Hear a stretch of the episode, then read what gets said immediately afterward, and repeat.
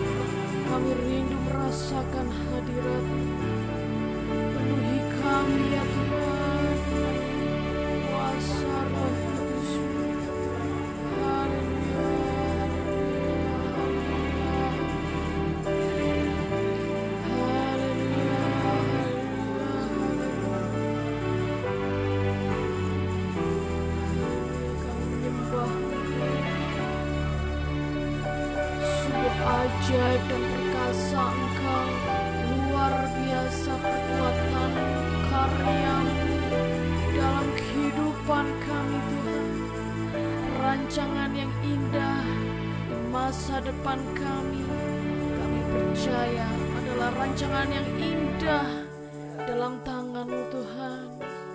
Kami menaruh harapan kami hanya kepadamu. Dalam namamu Tuhan Yesus Kristus Kami percaya hanya di dalam Engkau. Engkau yang menumbuhkan iman kami Sehingga kami berbuah banyak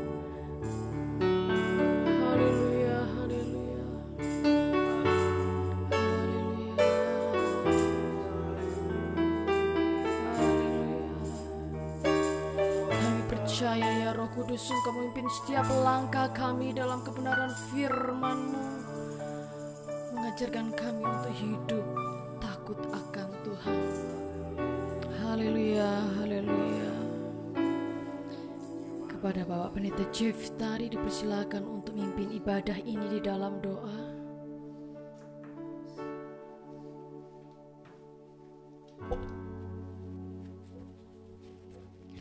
Baik, marilah kita sebagai umat Tuhan yang percaya kepada Yesus Kristus kita memulai ibadah kita di hari ini.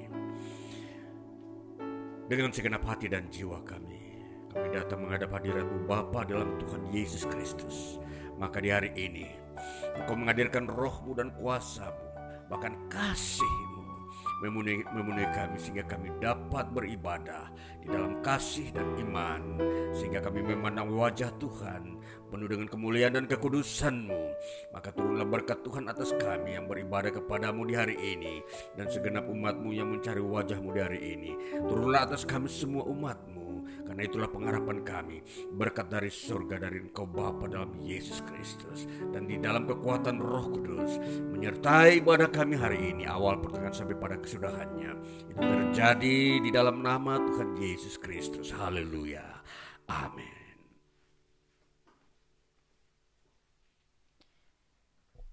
Saudara-saudara yang percaya kepada Tuhan Yesus, Allah yang Maha Hadir, lambaikan tangannya. Haleluya. Mari kita bangkit berdiri saudara. Kita menaikkan pujian bagi dia. Kiri kananku ada Tuhan.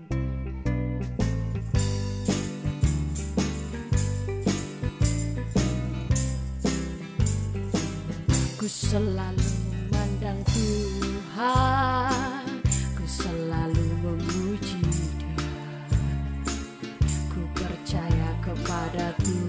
Tuhan Ku berpasrah kepadanya. Sekali lagi kita naikkan pujian ini. Ku selalu memandang Tuhan selalu memuji dia. Ku percaya kepada Tuhan Ku berpasrah kepadanya. Siang malam ingat Tuhan Karena Tuhan pelindungku.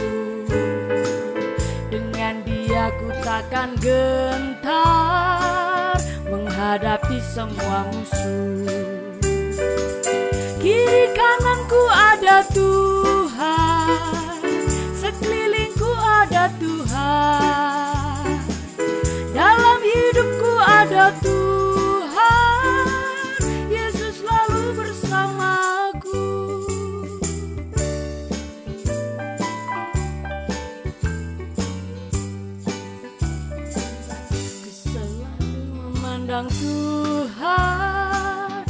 selalu memuji dia. Ku percaya kepada Tuhan Ku berpasrah kepadanya. Siang malam ku ingat Tuhan Karena Tuhan pelindungku. Dengan dia ku takkan gentar Menghadapi semua musuh. Amin Kiri kananku ada Tuhan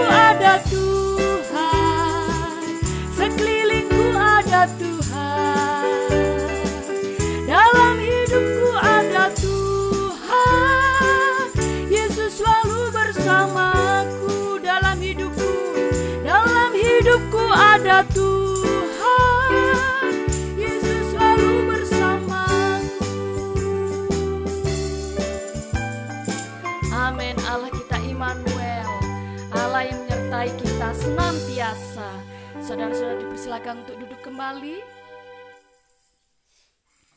kita masih dalam keadaan memuji Tuhan, kita mau meninggikan dengan sorak-sorai bahwa Yesus Allah kita, Allah yang maha agung. Allah ditinggikan dengan sorak-sorai. Allah ditinggikan dengan sorak-sorai. Allah ditinggikan dengan sangkakala Allah ditinggikan dengan sorak-sorai. Bersoraklah bagi Tuhan. Bersoraklah bagi Tuhan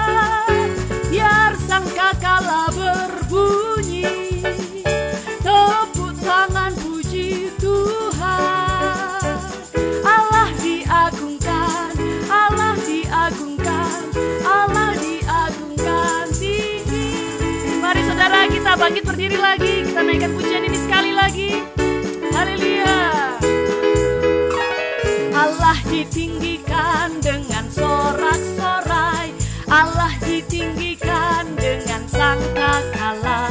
Allah ditinggikan dengan sorak-sorai. Bersoraklah bagi Tuhan. Bersoraklah bagi Tuhan. Biar sangkakala berbunyi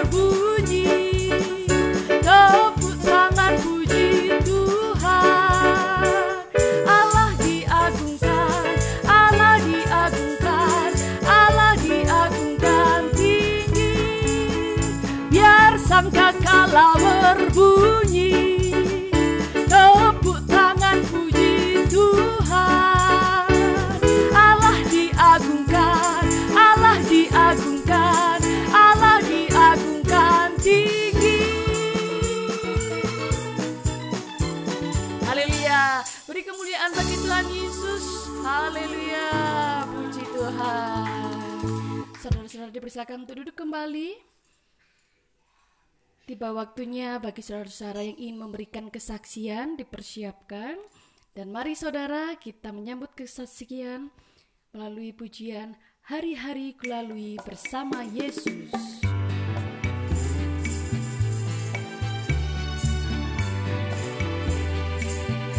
Hari-hari kulalui bersama Yesus. Suka duka ku jalani bersama Yesus. Persoalan pencobaan kan ku hadapi bersama Yesus juru selamatku.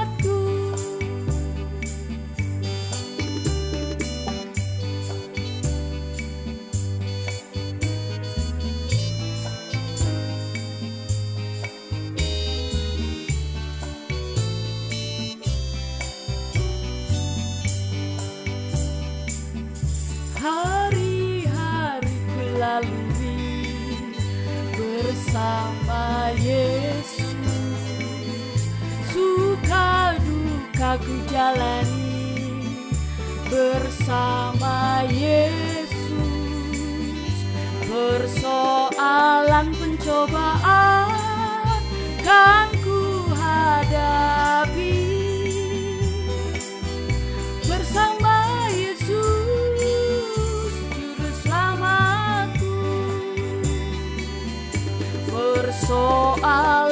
pencobaan kan ku hadapi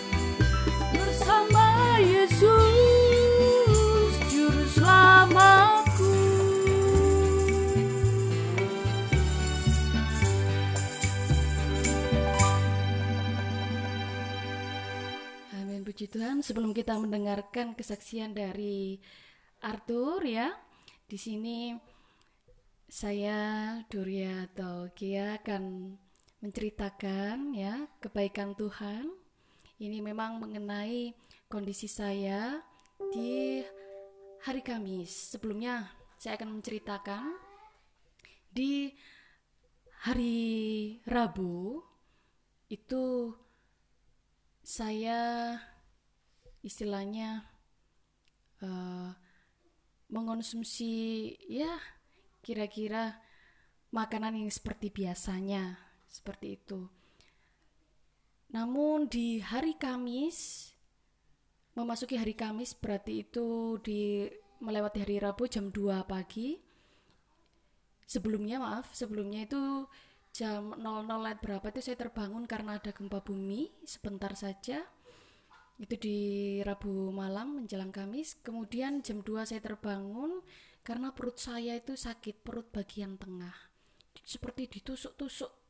Tidak seperti istilahnya kayak orang haid berbeda ya orang mules kayak mau eh, BAB juga berbeda nah di situ saya tidak bisa tidur sehingga saya hanya memposisikan perut saya dalam keadaan tekuk sehingga istilahnya saya mengurangi rasa sakit saya. Sehingga di jam 5 saya terbangun kemudian minum air hangat. Di situ sedikit berkurang rasa sakitnya namun saya menceritakan rasa sakit itu kepada adik saya. Adik saya menganggap bahwa oh itu mungkin pencernaannya kakak kotor seperti itu. Kemudian saya menceritakan kepada mama saya oh coba minum promak ya waktu minum promak itu pun sebelum makan sudah meninggal. Tetapi waktu di jalan saat saya mengendarai kendaraan motor kan jalan itu nggak mulus. Ada polisi tidur dan sebagainya. Itu saat melewati jalan seperti itu perut saya langsung sakit nah sebelumnya itu saya berdoa dalam nama Tuhan Yesus sembuh. Namun rasa sakit itu sakit terus. Entah kenapa. Terus dalam ingatan saya apakah ini peperangan rohani? Karena sebelumnya memang di Rabu itu saya bersama papa mama dan adik saya doa syafaat mengusir roh-roh jahat yang ada di lingkungan sekitar. Dan sebelumnya di Selasa malam saya doa secara pribadi memang berdoa supaya Tuhan Yesus juga mengusir roh-roh jahat yang ada di kantor tempat saya kerja. Karena sebelumnya itu peristiwa pimpinan saya berteriak minta tolong kepada saya pada hari Selasa paginya itu. Dia memanggil nama saya Mbak Dorea dari dalam ruangan yang memang gelap. Jadi dia menceritakan uh, waktu menuju ruang kerjanya memang ada satu ruang gelap ini memang tidak dipakai. Jadi dipakai hanya untuk rapat saja. Tetapi dia sebagai jalan tembus untuk jalan dari depan ke belakang maupun sebaliknya. Nah seperti biasanya kan biasa saja. Namun pada saat itu dia merasa mengkorok karena ada sesuatu seakan-akan ada yang melihat dia saat dia berjalan. Bahkan waktu mau membuka pintu rasanya itu kayak lama sekali. Makanya dia menyebut nama saya. Lalu saya menyalakan lampu pada ruangan itu dan dalam hati saya dalam nama Tuhan Yesus. Kemudian dari situ di malamnya saya berdoa secara pribadi supaya Tuhan Yesus menolong ya supaya memberikan kondisi yang damai sejahtera dalam pekerjaan juga meminta kepada Tuhan Yesus supaya mengirim para malaikatnya untuk berperang melawan iblis supaya roh-roh iblis yang ada di tempat kerja saya itu pun pergi dan kalah. Itu yang saya ingat. Apa karena itu sehingga saya mengalami sakit? Lalu tiba-tiba dari perjalanan saya menyanyikan pujian anak-anak itu yang ku menang, ku menang, eh bukan maaf. Uh, dalam nama Yesus dalam nama Yesus ada kemenangan.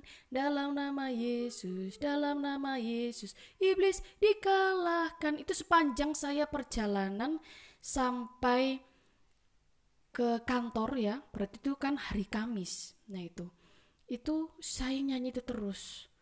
Waktu saya nyanyi itu rasa sakit saya itu di perut itu tidak ada. Ketika saya berhenti karena kan konsentrasi untuk mengendarai motor itu rasa sakitnya timbul. Kemudian saya terus menyanyikan itu lalu saya ganti-ganti liriknya istilahnya uh, di bagian terakhir dalam nama Yesus dalam nama Yesus ada kemenangan dalam nama Yesus, dalam nama Yesus. Iblis dikalahkan dalam nama Tuhan Yesus. Siapa dapat melawan dalam nama Tuhan Yesus? Ada kemenangan dalam nama Tuhan Yesus. Ada kesembuhan. Saya ganti kata-kata yang terakhir itu terus-terus untuk saya sehingga uh, istilahnya saya tidak merasakan sakit. Kemudian tiba di kantor saya lebih awal karena memang pada waktu itu saya kunjungan sekolah di Batu Malang ya, memang promosi sekolah untuk kegiatan di kampus terkait mencari mahasiswa baru juga. Nah, di situ saya kan menata diri dulu kan sebelum berangkat. Rasa sakitnya loh kok mulai lagi ya. Terus habis itu saya diam saja dalam nama Tuhan Yesus. Di perjalanan pun demikian. Saya duduk di tengah bagian mobil juga, wah, kok seperti ini? Saya berusaha untuk tidak makan dulu, tidak minum. Selama perjalanan yang saya pikirkan saya harus makan atau minum yang panas-panas. Kemudian di perjalanan itu rekan saya melihat seperti makanan-makanan jajanan sekolah itu seperti cilok, batagor, apa itulah seperti itu. Kemudian dia menawarkan saya, kamu mau? Oh, enggak, saya menolak menolak pemberian rekan saya itu. Apa pun bentuknya, entah makanan apa. Karena saya mengingat, jangan-jangan nih, saya perut sakit karena kemarin dia kasih makanan ke saya. Karena sebelum-sebelumnya kan tidak pernah itu dia memberikan makanan dalam bentuk utuh. Biasanya tuh dia tuh kasihnya tuh sisa-sisa seperti itu. Kok ini kok utuh? Itu jajannya tuh cimol gitulah sebelumnya sih ya makanannya biasa-biasa saja. Jajan seperti itu jarang sekali. Cuman pada waktu itu saya kan tidak tahu dia beli itu dia memberikan apa cabai berapa atau bagaimana kan. Sehingga di malamnya saya juga pulang itu di rumah juga makan sambal terus apa karena juga saya juga minum galian singsep sehingga perut saya sakit. Jadi saya itu berpikir-pikir istilahnya apa sih penyebab perut saya sakit? Seperti itu. Kemudian sampai di Kamis malam saya komunikasi dengan calon saya. Istilahnya kok masih sakit? Padahal sudah minum uh, apa istilahnya sebelum makan promak. Terus habis itu dia bilang coba Milanta karena kan biasanya orang tuh cocok cocok cocokan nah dan, dan calon saya ini memang menyarankan di hari Sabtu ke, eh, maaf di hari Jumatnya karena itu pun Jumat malam karena di Jumat paginya sampai sore saya tidak mengonsumsi obat apa-apa. Karena saya melihat ini ada apa ya seperti itu sehingga yang saya cari hanyalah ah dalam nama Tuhan Yesus saja. Memang sebelumnya waktu di hari Kamis malam itu ya sebelum Jumat pagi itu saya mengeluh badan saya linu-linu. Jadi habis pulang keliling itu keliling sekolah-sekolah di hari Kamis sore itu saya pulangnya 15.40 tiba di kampus itu rencana saya memang mau izin pulang lebih awal tapi saya tidak kuat badan saya linu-linu jadi saya buat tidur di atas meja menaruh kepala saya saja seperti itu sampai jam 5 tepat jam saya pulang kerja. Lalu puji Tuhannya lumayan kuat untuk mengendarai motor. Sampai di rumah saya menyampaikan kepada orang tua maupun adik saya. Di situ puji Tuhan mereka memberikan perhatian yang luar biasa mulai dari adik yang memberikan wedang jahe dicampur serai dibuatkan bubur terus mama yang apa ngerok ngerok badan itu ya. Terus di malam hari saya tidur lebih awal itu mama memberikan obat uh, istilahnya Renadina gitu ya. Di pagi harinya di Jumat pagi saya kira sudah sembuh ya. Karena saya rasa tidak linu-linu lagi. Tapi perut ini masih ada rasa sakit hilang pergi kayak gitu gitulah muncul tiba-tiba tiba-tiba datang lagi sehingga saya izin tidak masuk. Istilahnya supaya saya ingin istirahat dulu. Kepingin lihat bagaimana seharian di situ saya tidak minum obat dan merasa sakit. Nah di Jumat malamnya itu calon saya men, uh, bilang kalau Milanta. Sebelum uh, bilang itu memang saya tanya ke mama kok masih sakit ya? Lo kamu nggak minum obatnya? Nah terus habis itu saya coba Milanta itu. Ya waktu kumpul-kumpul keluarga ya puji Tuhan karena saya juga kepingin dadar gulung buatan papa saya. Akhirnya kesampaian dibuatin untuk sarapan. Sungguh puji Tuhan perhatian yang luar biasa dari keluarga. Juga memberi dampak juga ya untuk kesembuhan itu. Lalu di istilahnya di sini kita kumpul eh, di Jumat malam ya Jumat malam. Itu kita kumpul bersama di meja makan nonton TV nah itu saya sudah merasa membaik setelah minum milanta dan makan. Namun saat tertawa perut saya sakit. Gitu loh kok begini ya? Gitu. Kok mau tertawa kok sakit? Akhirnya jam istirahat malam di Jumat malam itu saya berdoa secara pribadi. Saya yang pertama saya serukan kepada Tuhan bukan kesembuhan, tapi selidiki Tuhan. Ini penyebabnya apa? Apakah kesalahan dari diri sendiri ceroboh untuk mengonsumsi makanan yang tidak benar? Atau kurangnya hikmat ya, sehingga istilahnya di sini tidak bisa mengatur olahraga. Memang sebelumnya saya olahraga memforsir ya istilahnya habis ngecim terus berenang. Apakah itu dampaknya ke sekarang seperti itu? Kemudian saya berpikir apa sama menyerukan maksudnya menyerukan doa. Apakah karena aku tidak memancarkan kasih seperti Tuhan Yesus karena memang saya ingat sebelum peristiwa itu saya istilahnya uh, mau bilang mengejek rekan itu ya gimana ya? Karena ini gini sebelum saya hari Rabu itu di hari Selasanya itu setelah peristiwa berbarengan dengan pimpinan saya yang berteriak itu si rekan saya ini memakai baju yang aneh. Jadi kerudungnya itu warna hijau hijau kayak dadar gulung. Kemudian celananya juga warna pink seperti dadar gulung nah di pagi harinya itu dia meng mengatakan saya sambil memegang pundak saya saya jangan diganggu ya seharian oh iya terus habis itu dia tiba-tiba keluar ruang kantor memanggil nama saya, tolong fotokan saya. Terus saya bilang ini, katanya nggak mau diganggu, seperti itu. Terus tapi saya tetap foto. Terus saya berkomentar seperti dadar gulung gitu kan. Maksud saya itu guyon, tapi nggak tahu ya namanya hati orang itu bisa sakit hati atau bagaimana.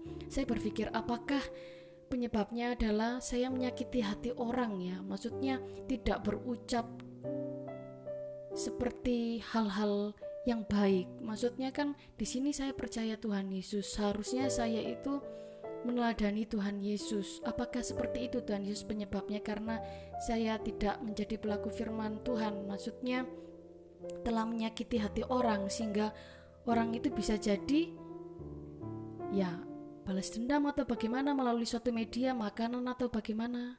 Nah, itu pikiran-pikiran saya. Atau penyebabnya adalah saya menyalahkan orang lain ya Tuhan padahal ini adalah kecerobohan saya seperti itu. Jadi saya istilahnya di sini bertanya-tanya kepada Tuhan. Meminta Tuhan uh, supaya saya mengerti begitu. Ya saya intinya di sini saya minta ampun kepada Tuhan tentang dosa-dosa saya dan saya waktu itu memang beriman kepada Tuhan Yesus bahwa saya diampuni hal-hal yang tidak berkenan di hati Tuhan dan saya percaya setelah saya berdoa saya mengalami kesembuhan itu setelah saya amin benar-benar perut saya tidak merasakan apa-apa waktu di tempat tidur saya rebahan itu malam itu saya rasa-rasa sebentar berapa menit lagi aku rasakan ah oh nggak sakit satu jam kemudian saya rasakan, oh nggak sakit. Sampai saya tertidur dan bangun di pagi hari, puji Tuhan tidak sakit.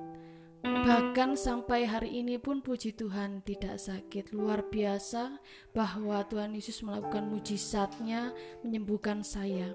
Ya memang saat ini saya lebih lagi memilih makanan istilahnya untuk menghindari hal-hal yang tidak diinginkan seperti makanan pedas ya terutama di situ, tapi di sini yang saya mau katakan kepada saudara-saudara, jika saudara-saudara memang mengalami sakit, ya kita hanya bisa berseru kepada Tuhan Yesus. Itu yang saya percaya bahwa Tuhan Yesus itu Allah yang sama.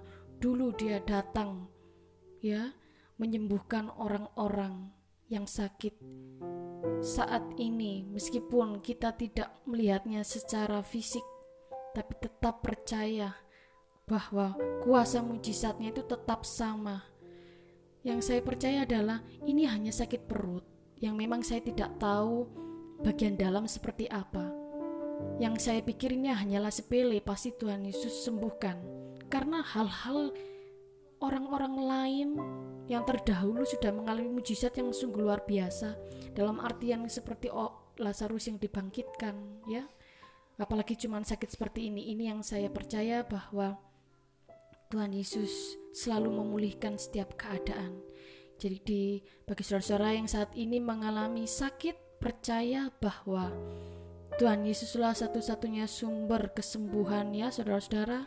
Yakini itu. Ya. Puji Tuhan sungguh luar biasa bahwa hari lepas hari Tuhan Yesus itu menyatakan bahwa dia Allah yang hidup, Allah yang maha hadir, Allah yang maha tahu, mendengar segala keluh kesah. Demikian juga pastinya saudara-saudara yang akan mengalami ya pergumulan-pergumulan entah itu berkaitan tentang kebutuhan setiap hari pasti Tuhan cukupkan. Percaya saja seperti firman-Nya bahwa jangan khawatir akan apa yang kamu makan, minum, pakai. Ya. Itu puji Tuhan. Luar biasa. Selanjutnya kita akan mendengarkan pujian sukacita di dalam Tuhan Yesus dari Nick Arthur Christian, Aku Cinta Yesus.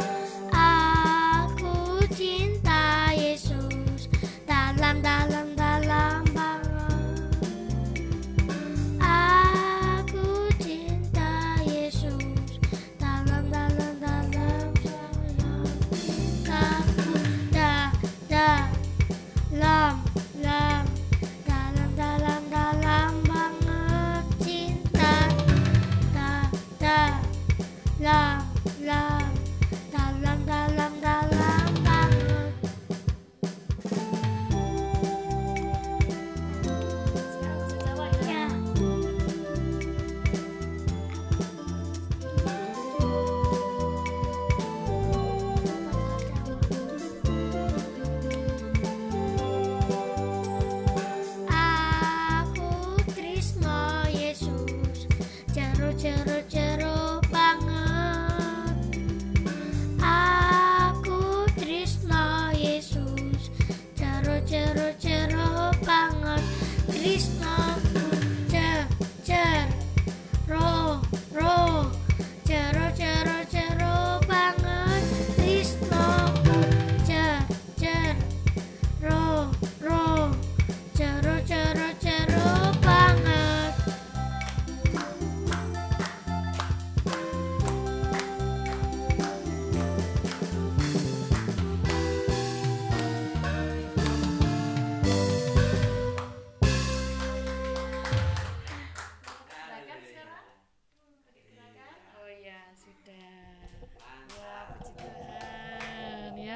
Kesaksian dari anak-anak sudah mengenal Tuhan bahwa di dalam dirinya mencintai Tuhan Yesus. Oh, sungguh luar biasa. Pasti Tuhan memimpin anak-anak untuk bertumbuh dalam pengenalan secara pribadi ya. Untuk menjadi generasi penerus, generasi yang takut akan Tuhan. Puji Tuhan. Selanjutnya saudara, mari kita melanjutkan pada pembacaan kitab Yeskiel pasal 23 ayat 1 hingga 49. Yeskiel 23 ayat 1 hingga 49 mari kita baca bersama-sama. 1 2 3 Kakak beradik Ohola dan Oholiba Datanglah firman Tuhan kepadaku, Hai anak manusia, ada dua orang perempuan, anak dari satu ibu.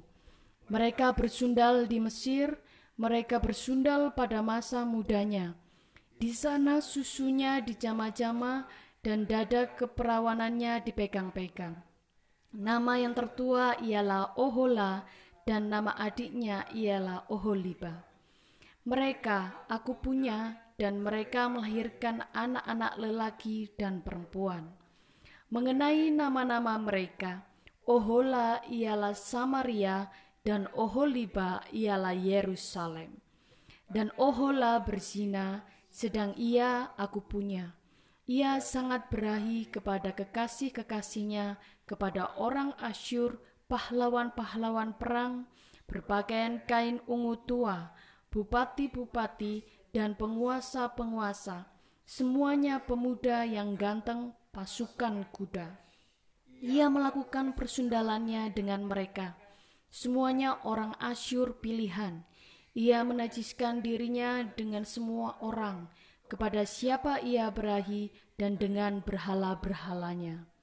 Ia tidak meninggalkan persundalannya yang dilakukannya sejak dari Mesir, sebab pada masa mudanya orang sudah menidurinya, dan mereka memegang-megang dada keperawanannya dan mencurahkan persundalan mereka kepadanya. Oleh sebab itu, aku menyerahkan dia ke dalam tangan kekasih-kekasihnya, dalam tangan orang Asyur, kepada siapa ia berahi. Mereka menyingkapkan auratnya, anak-anaknya lelaki dan perempuan ditangkap, dan ia sendiri dibunuh dengan pedang. Dengan demikian namanya dipercakapkan di antara kaum perempuan sebab hukuman telah dijatuhkan atasnya. Walaupun hal itu dilihat oleh adiknya Oholiba, ia lebih berahi lagi dan persundalannya melebihi lagi dari kakaknya. Ia berahi kepada orang Asyur, kepada bupati-bupati dan penguasa-penguasanya, kepada pahlawan-pahlawan perang yang pakaiannya sangat sempurna, kepada pasukan kuda, semuanya pemuda yang ganteng. Aku melihat bahwa ia menajiskan diri, kelakuan mereka berdua adalah sama Bahkan ia menambah persundalannya lagi. Ia melihat laki-laki yang terukir pada dinding, gambar orang-orang Kasdim diukir dalam warna linggam. Pinggangnya diikat dengan ikat pinggang, kepalanya memakai serban yang berjuntai, semuanya kelihatan seperti perwira yang menyerupai orang Babel dari Kasdim, tanah kelahiran mereka. Segera sesudah kelihatan oleh matanya, ia berahi kepada mereka dan mengirim suruhan kepada mereka ke tanah Kasdim.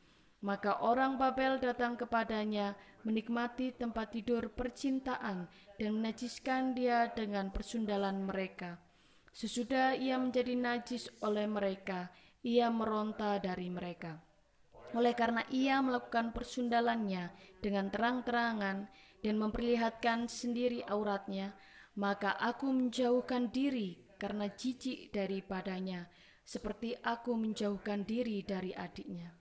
Ia melakukan lebih banyak lagi persundalannya sambil teringat kepada masa mudanya waktu ia bersundal di tanah Mesir. Ia berahi kepada kawan-kawannya bersundal yang auratnya seperti aurat keledai dan zakarnya seperti zakar kuda. Engkau menginginkan kemesuman masa mudamu, Waktu orang Mesir memegang-megang dadamu dan menjama-jama susu kegadisanmu. Oleh sebab itu, hai Oholiba, beginilah firman Tuhan Allah. Memang engkau sudah menjauhkan dirimu dari kekasih-kekasihmu, tetapi sungguh aku akan menyuruh mereka bergerak melawan engkau. Aku akan membawa mereka melawan engkau dari sekitarmu. Orang Babel dan semua orang Kasdim, orang Pekot, orang Soa dan orang Koa, dan semua orang Asyur bersama mereka, pemuda yang ganteng, eh, bupati-bupati, dan para penguasa semuanya, perwira-perwira, dan pahlawan-pahlawan perang, pasukan kuda semuanya. Mereka datang melawan engkau dengan banyak kereta dan roda-roda, dan dengan sekumpulan bangsa-bangsa mereka akan menyusun perisai besar dan kecil dan ketopong di sekitarmu melawan engkau. Dan aku akan menyerahkan perkara ini di hadapannya dan mereka akan menghakimi engkau menurut hukum mereka. Aku akan membalaskan cemburuanku kepadamu, sehingga mereka memperlakukan engkau dengan kemurkaan. Hidung dan telingamu akan dikerat, dan sisamu akan mati rebah oleh pedang mereka akan menangkap anak-anakmu lelaki dan perempuan, dan sisamu akan dimakan api. Mereka akan menelanjangi engkau dan merampas perhiasan-perhiasanmu. Aku akan membuat engkau menghentikan kemesumanmu dan persundalanmu sejak dari tanah Mesir, sehingga engkau tidak lagi melirik kepada mereka dan tidak lagi mengingat-ingat orang Mesir. Sebab beginilah firman Tuhan Allah, Lihat, aku akan menyerahkan engkau ke dalam tangan orang yang, yang kau benci, walaupun engkau sudah menjauhkan diri dari mereka. Mereka akan memperlakukan engkau dengan kebencian dan akan merampas segala hasil jeripayahmu dan meninggalkan engkau telanjang bugil sehingga aurat persundalanmu kelihatan. Kemesumanmu dan persundalanmu mendatangkan hal ini atasmu, karena engkau bersundal dengan mengandalkan bangsa-bangsa dan menajiskan dirimu dengan berhala-berhala mereka. Engkau hidup mengikuti kelakuan kakakmu, sebab itu aku akan memberi engkau minum dari pialanya. Beginilah firman Tuhan Allah. Engkau harus minum dari piala kakakmu, piala yang dalam dan lebar mulutnya, yaitu piala yang banyak isinya, menjadi tertawaan dan olok-olok engkau. Engkau akan penuh kemabukan dan duka cita. Piala kengerian disertai kesunyian ialah piala kakakmu Samaria. Engkau meminumnya beserta ampasnya sampai mengunggis pecahan-pecahannya dan engkau merabitkan susumu. Sebab aku yang mengatakannya, demikianlah firman Tuhan Allah. Oleh sebab itu, beginilah firman Tuhan Allah. Oleh karena engkau melupakan aku dan membelakangi aku, sekarang tanggung sendirilah kemesumanmu dan persundalanmu.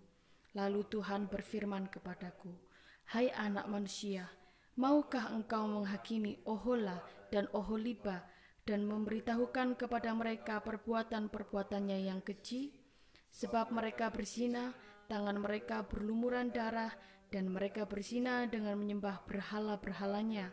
Bahkan anak-anak lelaki mereka yang dilahirkan bagiku dipersembahkannya sebagai korban dalam api kepada berhala-berhalanya menjadi makanan.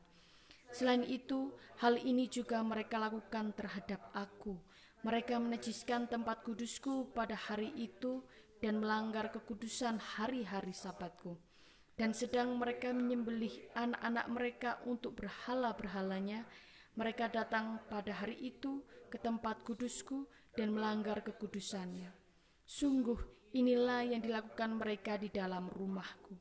Tambahan lagi mereka meminta orang-orang datang dari tempat yang jauh dengan menyuruh suruhan memanggil mereka, dan sungguh mereka datang.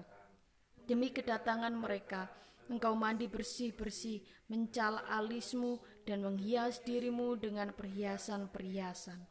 Engkau duduk di tempat tidur yang serba indah, dan di hadapannya meja dengan hidangan yang disajikan. Di atas tempat tidurmu itu kau taruh ukupanku dan minyakku. Lalu kedengar suara keramaian, hidup bersenang-senang padanya, dan kepada orang-orang dari orang banyak ditambahkan lagi pemabuk-pemabuk dari padang gurun.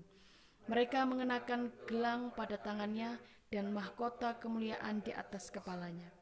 Aku berkata, apakah bunga yang layu ini masih melakukan persinahan? Orang bersundal dengan dia, bahkan dengan dia. Mereka datang kepadanya seperti orang mendatangi perempuan sundal Demikianlah mereka datang kepada Ohola dan Oholiba untuk melakukan kemesuman. Tetapi orang-orang yang benar saleh akan menghakimi mereka seperti orang menghakimi perempuan-perempuan yang berzina dan yang menumpahkan darah, sebab mereka adalah perempuan-perempuan berzina dan tangan mereka berlumuran darah. Sebab beginilah firman Tuhan Allah, biarlah bangkit sekumpulan orang melawan mereka, dan biarkanlah mereka menjadi kengerian dan rampasan. Kumpulan orang ini akan melontari mereka dengan batu dan memancung mereka dengan pedangnya, membunuh anak-anak lelaki dan anak-anak perempuan mereka, dan membakar habis rumah-rumah mereka. Aku akan menghentikan kemusuhan di tanah itu, dan semua kaum perempuan akan memperhatikan peringatan itu, dan tidak akan melakukan kemusuhan lagi seperti yang kamu lakukan. Orang akan membalaskan kemusuhanmu atasmu dan kamu harus menanggung dosa-dosamu lantaran kamu menyembah berhala-berhala. dan kamu akan mengetahui bahwa akulah Tuhan Allah. Demikian pembacaan kitab Yeskiel pasal 23. Selanjutnya kita akan mendengarkan bersama-sama penyampaian firman Tuhan yang akan disampaikan oleh hambanya. Mari kita sambut firman Tuhan melalui pujian penyembahan hadiratmu memenuhiku.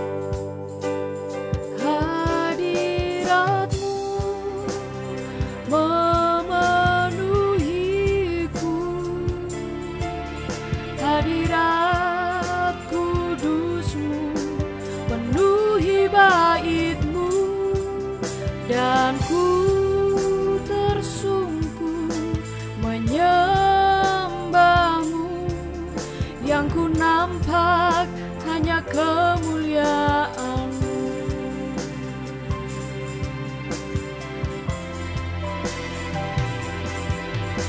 Tuhan hadir di bait kudusnya. Saat umat mencari wajahnya Berseru,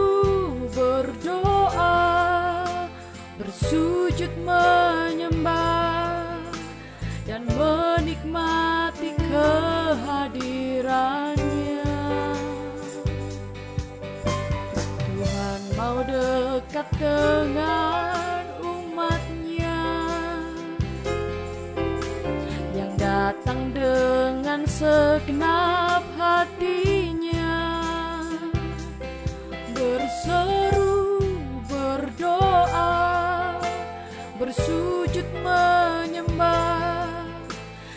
Dan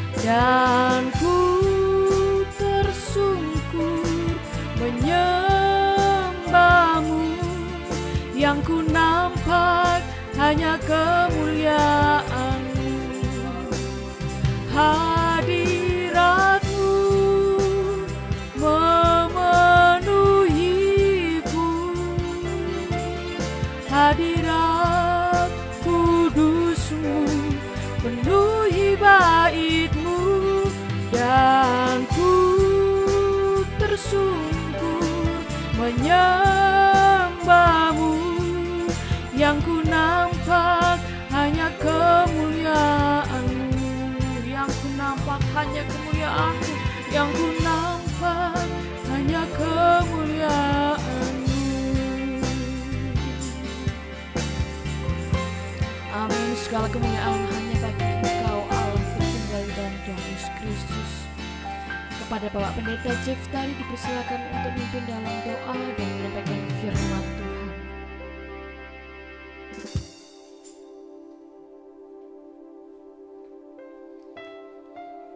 Ya mari jemaat Tuhan yang terkasih di tempat ini maupun di berbagai tempat di mana saudara mengikuti siaran podcast ini. Mari kita berdoa bersama untuk mendengarkan firman-Nya.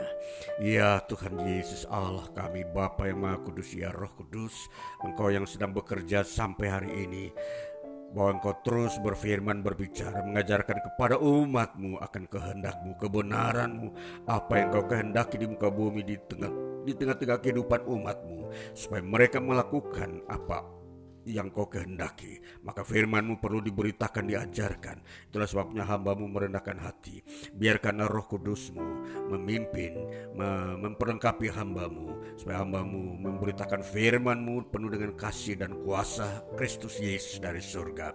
Maka umatmu akan diperkaya, diberkati, dikuatkan, dipelihara olehmu. Sepanjang hidup mereka di bumi. Dari generasi generasi satu ke generasi berikutnya. Oh Tuhan tiada satu pun yang terlewatkan. Maka berkat Tuhan dari surga turun atas kami semua orang percaya yang mendengarkan firman-Mu dan semua orang yang mau datang kepadamu diberkati hari ini dan seterusnya. Maka di dalam nama Tuhan Yesus Kristus hamba berdoa untuk memberkati setiap umatmu dan orang-orang yang mendengarkan firman-Mu di hari ini. Di dalam nama Tuhan Yesus kami berdoa dan bersyukur. Haleluya. Amin. Shalom saudara yang terkasih. Ya, puji Tuhan. Di hari ini, di minggu kedua lagi bulan Juni, kita semua telah diberkati Tuhan melewati hari-hari sebelumnya. Dan kita terus masuk lebih dalam lagi dalam perjalanan hidup kita. Di dalam tuntunan firman-Nya. Dan hari ini kita akan uh, membaca firman Tuhan yang terambil dari kitab Roma pasal 4. Ayat pertama hingga ayat yang ke-25. Bunyinya demikian. Abraham dibenarkan karena iman. Jadi apakah akan kita katakan tentang Abraham, bapa, bapa leluhur jasmani kita? Sebab jikalau Abraham dibenarkan karena perbuatannya, maka ia beroleh dasar untuk bermegah, tetapi tidak di hadapan Allah. Sebab apakah dikatakan nas kitab suci? Lalu percayalah Abraham kepada Tuhan dan Tuhan memperhitungkan hal itu kepadanya sebagai kebenaran. Kalau ada orang yang bekerja, upahnya tidak diperhitungkan sebagai hadiah, tetapi tetapi sebagai haknya. Tetapi kalau ada orang yang tidak bekerja, namun percaya kepada Dia yang membenarkan orang durhaka, imannya diperhitungkan menjadi kebenaran. Seperti juga Daud menyebut berbahagia orang yang dibenarkan Allah bukan berdasarkan perbuatannya. Berbahagialah orang yang diampuni pelanggaran-pelanggarannya dan yang ditutupi dosa-dosanya. Berbahagialah manusia yang kesalahannya tidak diperhitungkan Tuhan kepadanya.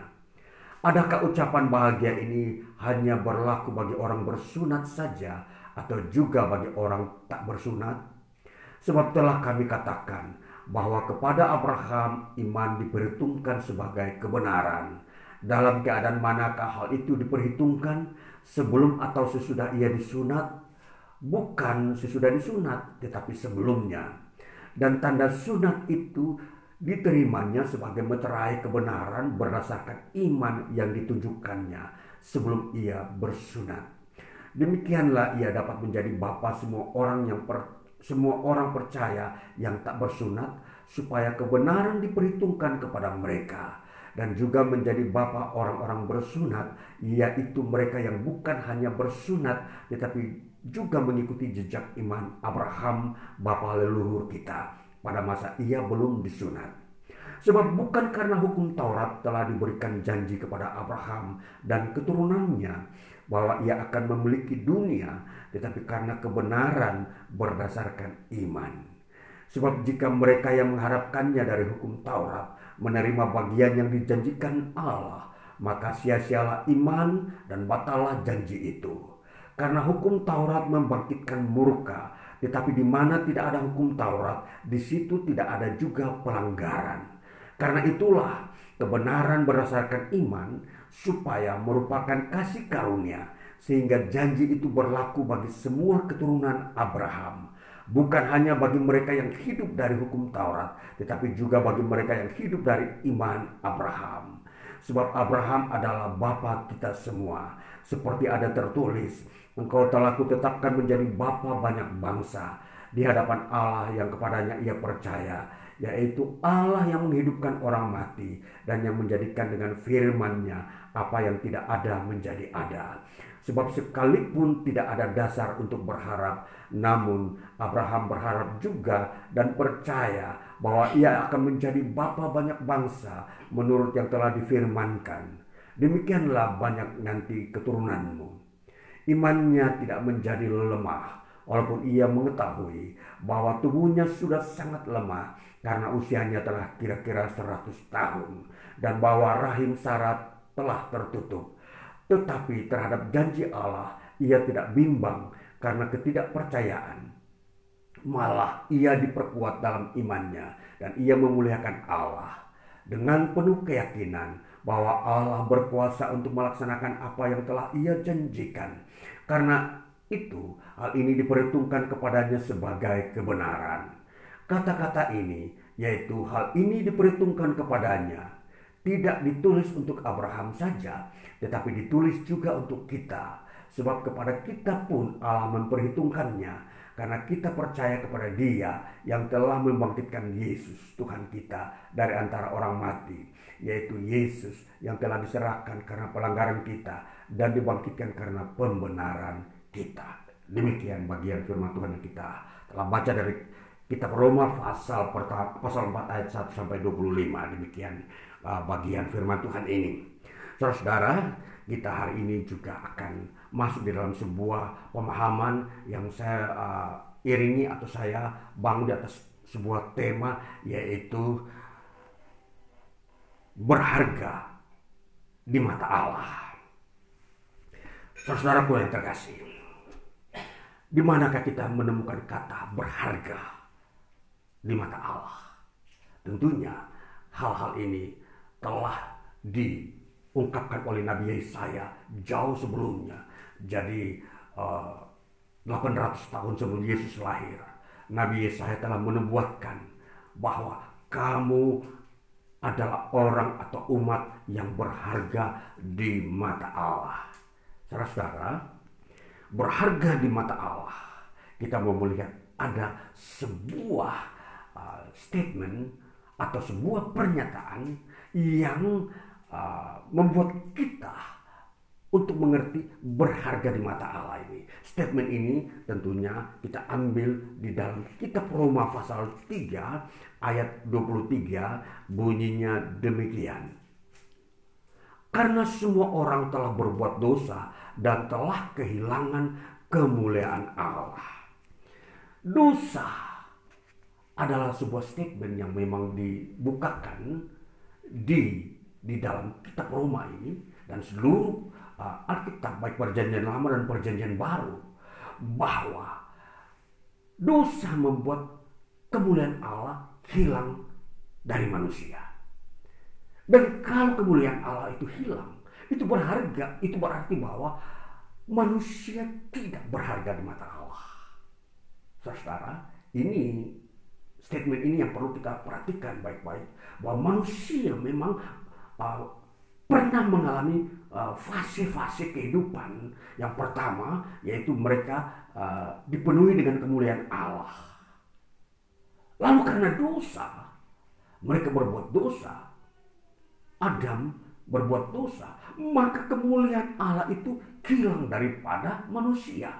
Nah, ini baru disebut fase yang berikutnya di mana kita lihat sekarang sampai hari ini bahwa fase tentang kehilangan kemuliaan Allah itu memang ada benar-benar.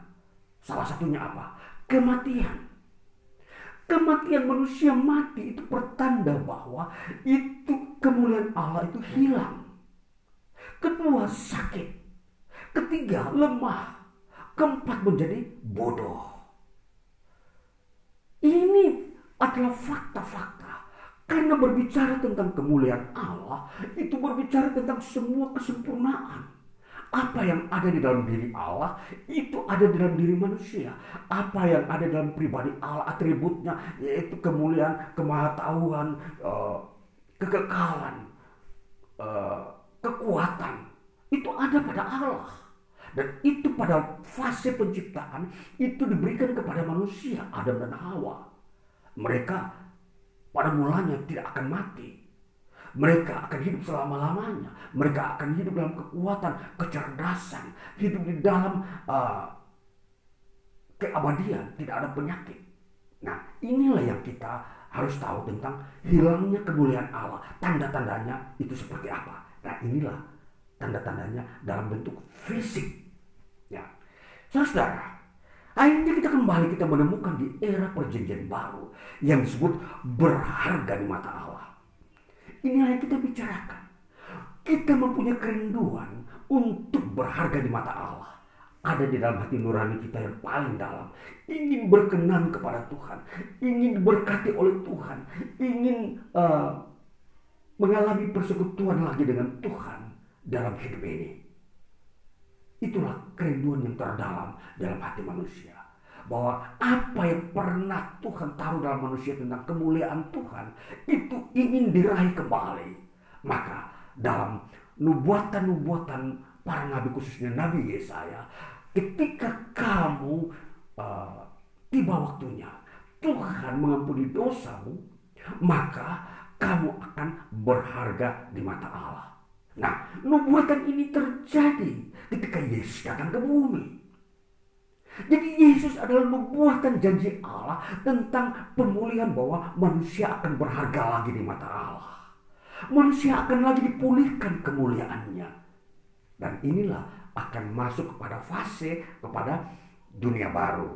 Tentunya tanda-tanda itu sudah ada di zaman sekarang. Kita akan mengalami sukacita, mengalami hal-hal uh, yang uh, berharga. Kita dipulihkan uh, secara fisik, secara IQ kita dipulihkan, secara mental dan moral juga dipulihkan. Ini sehingga kita generasi manusia di akhir zaman menjelang masuk kepada keselamatan. Ini semakin banyak orang akan berbondong-bondong datang kepada Yesus Kristus. Karena di sinilah sarana yang Allah sediakan untuk manusia mendapatkan kemuliaannya lagi. Itulah sebabnya tema di hari ini adalah berharga di mata Allah. Jadi tema ini akan membawa pikiran kita, suatu pemahaman kita lagi bahwa kita akan menemukan harga diri kita berharga di mata Allah dengan cara kita datang kepada Yesus Kristus. Saudara yang kekasih. Di dalam kitab Roma pasal 4 yang kita sudah baca pasal 4 ayat 1 sampai dengan 25 ini. Ini membukakan bagaimana uh, pengalaman Abraham dalam masa latar belakangnya dia, di mana Rasul Paulus mengangkat pengalaman hidup Abraham. Abraham adalah salah satu sosok seseorang yang memang uh, berlatar belakang dari negeri Urkastim. Sebuah negeri atau daerah atau sebuah kota yang pada era kehidupan Abraham 2000 tahun sebelum Masehi Artinya 2000 tahun sebelum Yesus lahir, Abraham ini hidup. Dia hidup di sebu sebu suatu negeri atau kota yang namanya kota itu Urkasdim. Kota Urkasdim sekarang kalau kita membuat peta di dunia ini, itu berada di daerah negeri Irak. Ya, Irak. Ini wilayahnya negeri Irak sekarang. Dan memang uh, dia Abraham ini merupakan uh, uh, gen yang akan uh, melahirkan orang-orang Irak sekarang ini. Namun kita melihat bahwa apa yang dijelaskan ditampilkan di sini bahwa Abraham dipanggil oleh Allah keluar dari negerinya Urkastim, pergi mengikuti tuntunan Allah. Dan dari era Abraham ini, Abraham adalah generasi ke-10 dari Nuh jadi setelah Nuh diselamatkan oleh Allah dari air bah, Abraham ini adalah generasi ke-10. Allah memanggil Abraham keluar dari negerinya. Kenapa saudara? Di negeri di mana Abraham hidup, orang tuanya nenek moyangnya itu semua menyembah-menyembah berhala. Dewa-dewa yang dikumpulkan oleh nenek moyang mereka untuk disembah karena tidak ada firman untuk mereka menyembah Allah. Nah itulah sebabnya Allah berfirman kepada Abraham supaya Abraham menyembah Allah. Bukan menyembah berhala-berhala orang tua dan nenek moyangnya di negeri Ur Kembali Abraham mengikuti janji Tuhan sehingga dia menantikan apa yang Tuhan janjikan. Abraham kemudian mendapat pengenapan. Akhirnya Tuhan mengenapi janji itu dan setelah itu baru Abraham disunat. Nah, dikatakan oleh firman Tuhan, jadi Abraham adalah bapak orang-orang beriman. Jadi dia di sini ditampilkan bahwa Abraham dipanggil Tuhan sebelum ia bersunat. Dan setelah dia menerima penggenapan janji itu, baru dia disunat sebagai meterai perjanjian itu. Jadi saudara-saudara dijelaskan bahwa ketika uh, Rasul Paulus menginjili orang-orang Yahudi di kota Roma, dia mau menjelaskan bahwa orang bersunat dan orang tidak bersunat itu akan dibenarkan oleh Yesus Kristus. Jadi di sini peranan Yesus Kristus Yesus Kristus akan menggenapi janji Allah kepada manusia bahwa manusia akan beroleh berharga di mata Allah melalui Yesus Kristus kepada semua orang. Baik yang mereka sudah bersunat yaitu orang-orang uh, Yahudi mereka punya tradisi adalah kalau menjadi Yahudi harus disunat. Setiap keturunan Yahudi harus harus laki-laki disunat. Ya ini uh, pemahamannya. Nah, saudaraku yang terkasih, kembali kita melihat bahwa apa yang disebut berharga ini ini kita dapatkan ketika kita beriman kepada Yesus Kristus. Di era zaman sekarang ini, ketika gereja sudah hadir, kita merupakan warisan daripada apa yang diajarkan oleh para rasul. Mereka mengajarkan bahwa Yesus Kristuslah yang merupakan uh, tempat bagi semua orang yang uh, belum menjadi Yahudi dan yang sudah menjadi Yahudi supaya memperoleh kebenaran supaya memperoleh harga diri berharga di mata Allah. Jadi iman kepada Yesus Kristus adalah dasar satu-satunya untuk manusia mendapatkan penghargaan atau berharga di mata Allah.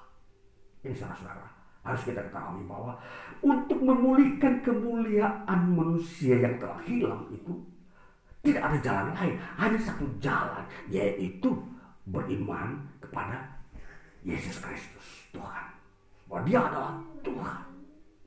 Nah, saudara, kalau kita memperhatikan kata berharga di mata Allah, ini kita baca di dalam kitab Roma pasal uh, 4 ayatnya yang ke uh, Empat bunyinya demikian.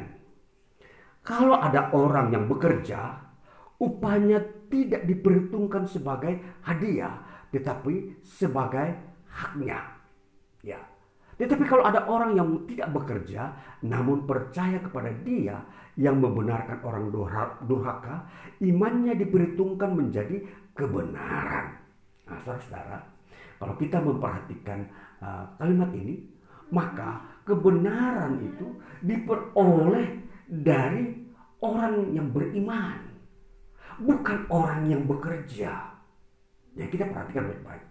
Bekerja di sini artinya tanpa percaya kepada Yesus Kristus. Jadi dengan kata lain hukum-hukum yang ada Tuhan tetapkan di bumi ini ada orang berusaha mengikutinya seperti hukum Taurat. Hukum Taurat Tuhan berikan kepada Musa supaya orang Israel melakukan hukum itu dan mereka uh, ada di dalam sebuah uh, tuntunan hukum ya. Tentunya ini di mata Allah ini sebagai sesuatu yang bekerja. Nah melakukan hukum Tuhan seperti ini itu disebut bekerja dengan kekuatan manusia jadi kita atau atau dengan kata lain manusia atau katakanlah orang Israel yang menerima hukum Taurat itu itu adalah orang-orang yang dituntut bekerja. Bukan anugerah. Jadi kalau orang bekerja pasti ada lemahnya, pasti ada salahnya. Dan pasti tidak ada sempurna. Kesempurnaan yang di, dihasilkan oleh orang yang bekerja. Jadi dengan kata lain hukum Taurat diberikan oleh Tuhan itu baik. Tetapi itu tidak membuat orang Israel menjadi sempurna. Karena mereka pasti ada salah dan cacat dan tidak taat. Dan inilah yang disebut bekerja. Dan kita melihat dikatakan orang yang bekerja itu dia bukan disebut menerima hadiah, tapi itu menerima haknya. Beda antara hak dan hadiah. Hak itu karena dia bekerja, sedangkan hadiah dia tidak bekerja, tapi diberi, tetapi melalui sebuah proses yang disebut beriman. Nah, itulah sebabnya ada dua uh, kondisi di dalam kehidupan manusia, yaitu bekerja dan beriman. Beriman ini orang tidak bekerja. Dia hanya percaya. Sedangkan orang yang bekerja mati-matian berjerih payah. Bagaimana berusaha supaya tidak bercela atau tidak uh, salah. Supaya sempurna melakukan seluruh hukum Taurat. Nah, di mata Tuhan, Tuhan melihat memang manusia tidak mampu men, uh, menjadi sempurna. Itulah sebabnya butuh anugerah iman. Dan iman ini adalah disebut hadiah. Nah, hadiah ini disebut apa? Kalau di dalam uh, bahasa Yunani dikatakan mistos. Mistos itu kalau diterjemahkan itu artinya upah, hadiah. Jadi kita perhatikan antara uh, bekerja dengan pemberian itu kita melihat mana yang lebih enak bagi manusia. Tentunya pemberian.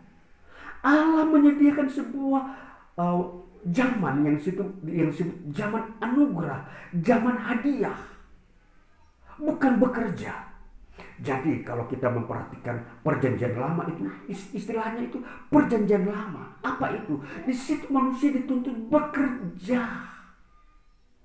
Bekerja berdasarkan hukum-hukum yang Tuhan telah berikan, hukum Taurat.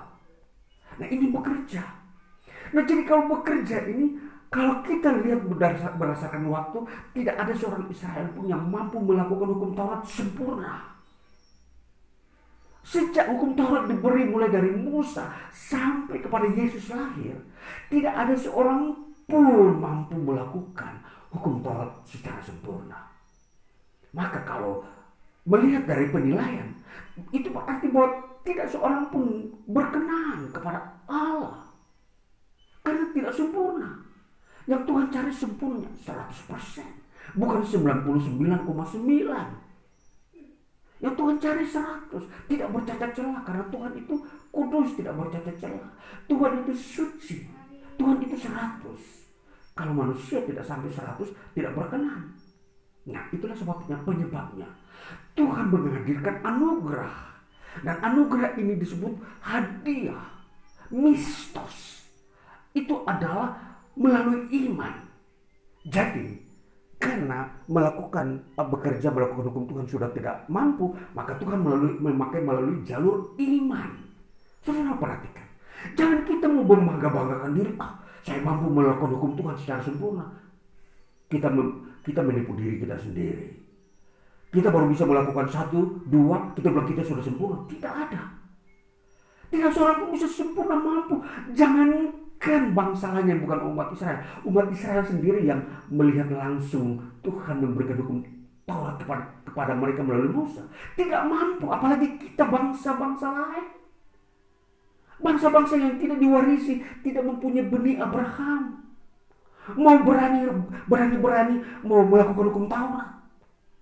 Mau disunat, mau berpuasa, mau mengandalkan perpuluhan, mau semua yang dituntut-tuntut dalam Taurat itu begitu banyak mempersembahkan uh, domba. Tidak bisa saudara-saudara, tidak mampu. Itu sebabnya kenapa Yesus datang. Karena untuk menolong manusia kita tidak mampu ini. Dan supaya terjadi apa disebut kemuliaan Allah itu kembali kepada semua manusia di muka bumi. Maka dari sinilah Yesus menghadirkan harga diri manusia di mata Allah. Kita menjadi berharga di mata Allah. Ini yang harus menjadi visi Tuhan datang ke bumi. Dan firmannya diberikan kepada manusia dalam perjanjian baru. Supaya kita mengerti bahwa Yesus datang untuk memperbarui hidup kita. Kita berkenan kepada Allah. Dan inilah menjadi cikal bakal kita masuk surga. Tidak bisa ada jalan lain. Taurat sudah jalan buntu. Mau jalan apa? Tidak, Taurat tidak bisa mampu menembus surga. Taurat tidak mampu membawa manusia ke surga. hanya Yesus. Itulah saudara-saudara, perhatikan baik-baik. Saya sampaikan firman Tuhan, perhatikan baik-baik. Kita perlu begitu jelas menjelaskan kepada kita bahwa tidak ada seorang pun bisa berkenan kepada Allah kalau dia melakukan hukum Taurat karena tidak sempurna. Sekali lagi, itulah sebabnya kita melihat. Di dalam ayat 16 dikatakan pasal 4 karena itulah kebenaran berdasarkan iman supaya merupakan kasih karunia sehingga janji itu berlaku bagi semua keturunan Abraham bukan hanya bagi mereka yang hidup dari hukum Taurat tapi juga bagi mereka yang hidup dari iman Abraham. Jadi artinya begini saudara-saudara mereka yang keturunan Abraham karena melakukan hukum Taurat dan mereka yang bukan keturunan Abraham kan tapi melalui iman Abraham itu dibenarkan oleh Allah karena percaya kepada Yesus Kristus ini dipersatukan dalam Yesus Kristus jadi saudara, kita bukan keturunan Abraham secara fisik. Tapi kita mewarisi iman Abraham. Maka Yesus Kristuslah yang memulihkan kita sehingga kita berharga di mata Allah. Ini perhatikan baik-baik. Ya saudara yang percaya kepada Kristus Yesus hari ini dan saudara-saudara yang uh, tentunya keturunan Abraham secara fisik Yahudi, ya yang memegang Taurat, ketika saudara percaya kepada Yesus Kristus, saudara berharga di mata Allah. Kembali kemuliaan Allah diberikan kepada saudara sampai kepada cikal bakal masuk ke dalam kerajaan surga itu. Nah ini saudara-saudara, ini yang kita mau melihat nilai berharga di mata Allah. Saudara yang terkasih, mari kita melihat bagaimana kita sampai disebut berharga di mata Allah. Mari kita baca di dalam Roma 4 ayat 7 sampai 8. Berbahagialah orang yang diampuni pelanggaran-pelanggarannya dan yang ditutupi dosa-dosanya. Berbahagialah manusia yang kesalahannya tidak diperhitungkan Tuhan kepadanya. Ini yang menjadi berharga di mata Allah. Ialah karena pelanggaran-pelanggaran dosa kita, dosa manusia tidak diperhitungkan oleh Allah. Dilupakan atau tidak dipakai sebagai penilaian. Itulah sebabnya disebut kembali berharga. Maka di sinilah pengampunan dosa Yesus Kristus datang. Maka Yesus Kristus datang ke dunia. Puncaknya adalah harus mengerjakan uh, poin penting adalah mengampuni dosa manusia. Dia mati di kayu salib. Itulah uh, proses inti daripada pengampunan dosa. Dan inilah saudara-saudara kita percaya kepada Yesus Kristus. Kita dibukakan rahasia bahwa pengampunan dosa telah diberlakukan kepada kita. Kita telah diampuni dosa. Inilah yang membuat kita berharga di mata Allah. Dan kita hidup berkenan kepada Allah hari lepas hari sampai kepada kekekalan. Ini yang harus kita tahu nilai berharga di mata Allah. Jadi saudara percaya kepada Yesus Kristus itu ada nilai berharga. Jangan anggap ini sesuatu yang biasa seperti yang lain yang seperti yang uh, di, dilakukan oleh katakanlah orang Yahudi sebelum sebelum mereka percaya kepada Yesus Kristus. Mereka melakukan melakukan hukum Taurat tetapi tidak sempurna di hadapan Allah. Tidak sama. Jadi berbeda ketika percaya kepada Yesus Kristus. Berbeda jauh daripada apa yang disediakan Taurat. Apalagi yang lain di dunia ini. Saudara perhatikan kualitas hidup saudara ketika percaya Yesus Kristus itu sungguh-sungguh nyata. Saudara telah memiliki sesuatu yang baru yang memang Allah melihat itu adalah hal yang benar, adalah uh, sesuai dengan tuntutan Allah untuk kehidupan pemulihan hidupmu di dunia ini dan di kekekalan.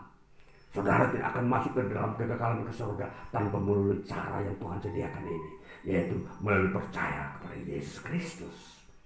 Ini saudaraku, inilah yang kita mau melihat kunci-kunci daripada iman Kristen.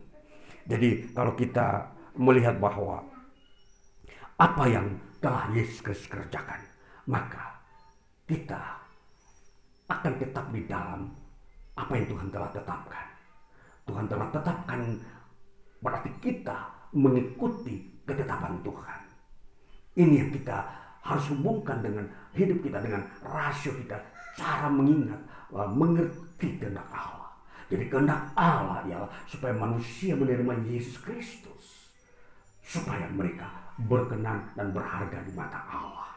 Kembali kita memperhatikan pada Roma pasal 6 ayat 21 22 kita memperhatikan sebagai sebuah pembanding bagi kita. Ayat 21 dan 22 bunyinya demikian. Dan buah apakah yang kamu petik daripadanya? Semua ini menyebabkan kamu merasa malu sekarang karena kesudahan semuanya itu ialah kematian.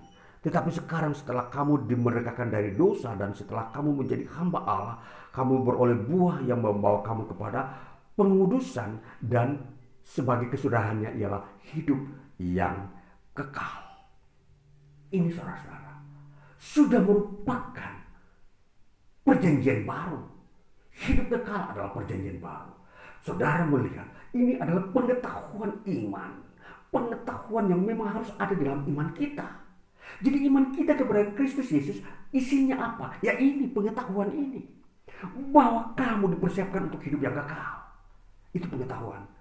Jadi kalau kamu tidak memiliki pengetahuan ini, kamu berkata percaya Yesus Kristus, itu uh, tidak mempunyai makna apa-apa. Maka saudara adalah orang-orang bodoh yang tidak mengerti wahyu Tuhan.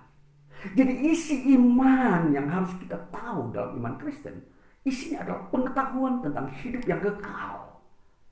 Jadi harus kamu tahu bahwa kamu memiliki hidup yang kekal. Itu pengetahuan dalam dirimu. Dan ini pengetahuan ini bukan dibuat oleh manusia. Tapi pengetahuan ini datang dari Tuhan. Datang dari surga. Pemberi hidup kekal ini. Jadi saudara-saudara tidak ada yang bisa mengganggunya. Zaman tidak bisa menggoyahkan. Zaman tidak bisa menghapus pengetahuan ini. Jadi kalau kita tahu pengetahuan seperti ini, maka kita harus mengerti dan memegangnya, mematuhinya. Kalau saudara mematuhi hukum-hukum pengetahuan yang ada di bumi ini, mengapa kamu, saudara, tidak mematuhi hukum pengetahuan dari surga? Saudara mengikuti cara-cara ilmu yang sudah ditampilkan di bumi. Bagaimana cara memasak, bagaimana cara berbisnis, bagaimana cara bertani, bagaimana cara uh, uh, membangun rumah. Itu pengetahuan semua, saudara bisa mengikutinya. Dan itu berhasil. Kenapa pengetahuan tentang surga yang berisikan tentang hidup kekal di dalam imanmu? Kenapa kamu tidak mau mengikuti, mengikutinya? Ini perhatikan baik-baik saudara-saudara. Di dalam proses hidup kita ini, pengetahuan itu menentukan kita posisi berdiri. Kalau kita berdiri saat ini, berdasarkan pengetahuan yang kita punya, di situlah kita berdiri. Kalau kita, kalau kita punya pengetahuan tentang bagaimana tidak berkenan kepada Tuhan, di situlah kita berdiri. Hidup hidup dalam dosa terus menerus. Dan kalau kita punya pengetahuan tentang bagaimana hidup yang kekal, maka kita akan percaya kepada Yesus Kristus. Kita berdiri di atas iman itu. Dan kita hidup di dalam kebenarannya. Itulah pengetahuan. Maka saudara-saudara yang terkasih, lihat pengetahuan ini. Pengetahuan di dunia ini kita harus bisa uh, melihat dengan jelas dan terang. Harus ada pengetahuan iman itu harus juga saudara miliki selain pengetahuan di dunia ini. Maka pengetahuan iman itu tidak boleh hilang dan ditutupi oleh pengetahuan di bumi ini. Ini perhatikan baik-baik. Maka di dalam berharga di mata Allah, pengetahuan tentang iman percaya kepada Yesus Kristus harus saudara miliki dengan jelas dan kuat. Dan perjalanan hidup saudara diberkati dan selalu berbahagia dalam hari lepas hari memasuki pekerjaan rumah tangga berbisnis dalam segala hidup saudara sampai masa tua saudara saudara diberkati Tuhan. Maka biarlah pengetahuan ini itu mengisi iman saudara di hari-hari ini dan ke depan. Dan generasi berikutkan berikutnya ajarkanlah ini kepada generasi saudara anak cucu saudara yang mendengarkan firman Tuhan. Biarlah mereka juga beroleh hak hidup untuk mendapatkan anugerah sebagai hadiah dari Tuhan. Biarlah semua ini membahagiakan kita, menyukakan hati kita, memasuki hidup hari-hari hidup kita di mana kita berada. Tuhan Yesus memberkati. Haleluya. Amin. Puji Tuhan. Baik, mari kita masuk di dalam doa syafaat kita. Kita akan meneruskan uh, perjalanan ini uh, bahwa kita akan menjadi umatnya yang terus berbahagia sepanjang hari-hari hidup kita. Mari kita berdoa. Bapak kami bersyukur kami telah mendengarkan firman-Mu di hari ini. Firman-Mu yang memberikan kebahagiaan, kekuatan. Dan kami akan berdiri atas kebenaran firman-Mu. Itulah sebabnya meteraikan firman-Mu bagi kami. Setiap umat-Mu yang mendengarkannya. Mengerti bahwa tahu ini adalah uh, karunia anugerah Tuhan bagi kami. Pemberian Tuhan bukan kerja. Iman adalah sebuah upah yang memang Tuhan sediakan. Itulah sebabnya kami mau mengerti bahwa percaya kepada Kristus Yesus adalah membuat kami berbahagia. Kami mendapat mendapatkan anugerah dari Tuhan di masa periode hidup ini. Periode di mana kami akan melihat hidup kekal. Bahwa Tuhan telah menyediakan hidup kekal bagi kami. Karena dosa kami telah diampuni. Berkatilah umatmu anak, jemaatmu anak-anakmu yang bekerja. Mereka masih bertumbuh, mereka bersekolah. Berkati rumah tangga-rumah tangga.